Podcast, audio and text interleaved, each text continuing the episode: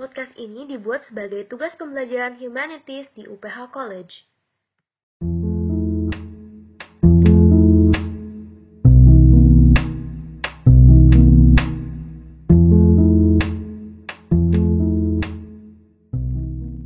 Halo semuanya, selamat datang kembali pada podcast Merah Putih. Hari ini saya Jasmine sebagai host bersama dengan narasumber-narasumber yang terpercaya yang akan membawakan pembahasan yang menarik mengenai fenomena yang terjadi saat pandemi ini yaitu meningkatnya fenomena pengangguran di masa pandemi ini. Nah, sebelum memulai pembahasan kita hari ini, saya ingin memperkenalkan narasumber-narasumber kita hari ini, yaitu Eugene sebagai ahli ekonomi, William sebagai ahli sosial budaya dan masyarakat, dan Philip sebagai sosiolog yang menekuni ilmu Karl. Tanpa berlama-lama lagi, mari kita bahas bersama-sama mengenai topik ini. William, bagaimana sih kondisi pengangguran di Indonesia akhir-akhir ini? Seperti yang kita tahu, kondisi pengangguran di Indonesia ini akhir-akhir ini sangatlah parah. Pengangguran merupakan sebuah kondisi di mana angkatan kerja tidak mendapat pekerjaan. Menurut data PPS sendiri, pada Agustus 2020 kemarin, angka pengangguran telah meningkat dengan drastis sebanyak 2,56 juta. Banyak orang yang ter-PHK akibat banyak usaha-usaha yang tidak bisa bertahan di masa pandemi ini.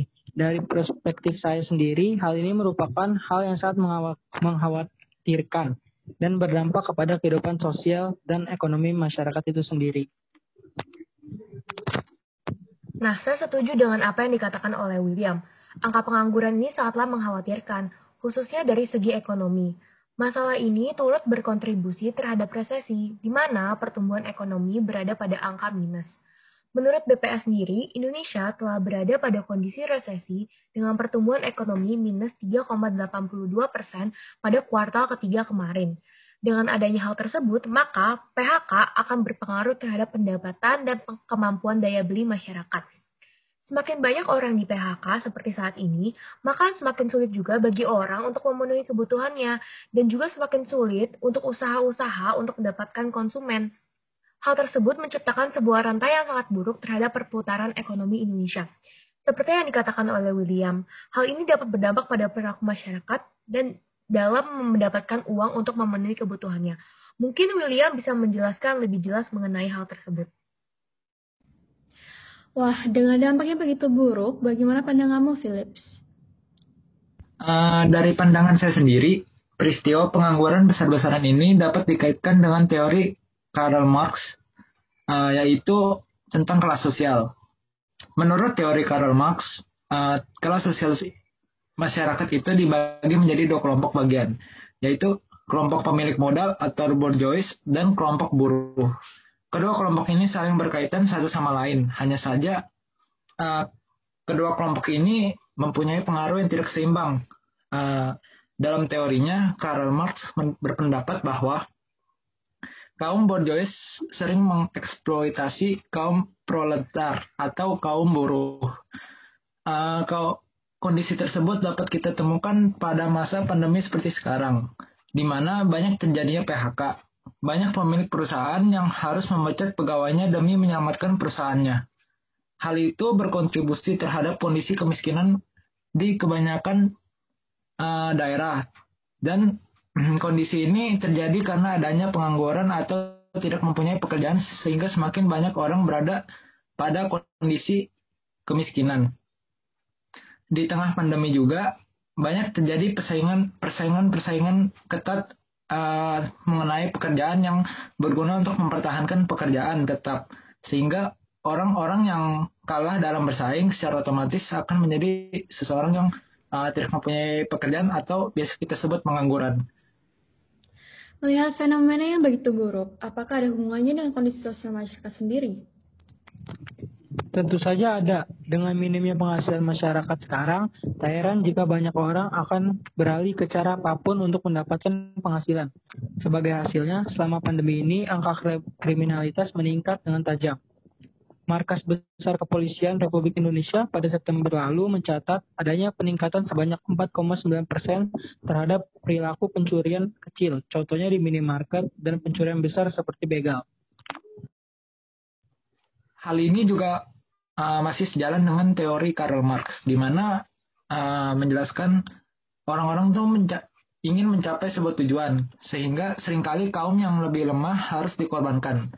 Nah, dengan adanya PHK di mana-mana ini, maka kita tidak heran jika masyarakat kelas bawah harus mencari cara lain untuk mendapatkan penghasilan.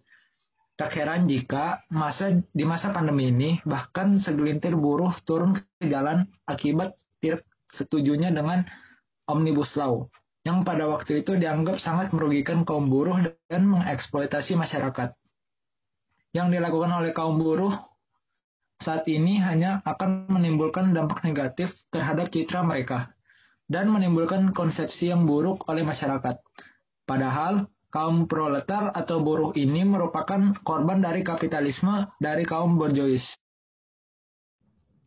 Jika begitu, apakah ada upaya yang bisa kita lakukan untuk membantu buruh-buruh tersebut agar mereka dapat mendapatkan penghasilan, tapi tidak usah melakukan tindakan kriminal?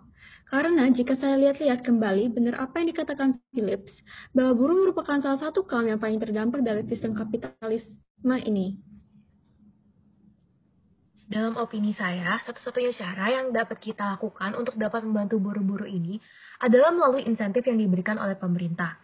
Menurut saya, mm, program yang telah dilakukan oleh pemerintah yaitu Kartu Prakerja yang tidak hanya memberikan uang sebagai bantuan, tetapi juga memberikan pelatihan, merupakan sebuah langkah yang sangat tepat adanya pelatihan-pelatihan seperti beauty class, cooking class, fotografi, dan lain-lain akan memperkaya para buruh untuk dapat memiliki lebih banyak skill atau kemampuan dan nantinya hal tersebut diharapkan dapat membuat mereka mencari pekerjaan yang lebih baik di masa depannya. Dengan fokus dalam memperkaya kualitas sumber daya, sumber daya manusia Indonesia, pemerintah tidak hanya uh, membantu buruh-buruh tersebut untuk memperbaiki taraf hidupnya, tapi membantu para buruh ini juga untuk dapat menjadi individu yang lebih baik untuk ke depannya. Terima kasih atas opini dan pernyataan-pernyataan yang sudah diberikan. Agar teman-teman kita lebih bisa memahami podcast hari ini, akan saya simpulkan. Pengangguran adalah suatu masalah sosial yang sangat mendesak dan penting untuk ditangani. Tindakan PHK tidaklah suatu tindakan yang buruk, tapi sesama masyarakat harus memperhatikan dan mengkhawatirkan. Kita tidak boleh sembarangan memecat dan menghilangkan karir dari seseorang. Kita juga harus memperhatikan kondisi kehidupan buruh yang paling terdampak dan tidak egois. Kita harus melihat dari perspektif yang lebih luas dari segi ekonomi dan konflik, agar semua masyarakat dapat hidup di komunitas yang lebih sejahtera. Terima kasih atas um, teman-teman kita yang sudah mendengarkan podcast kita hari ini. Sampai jumpa.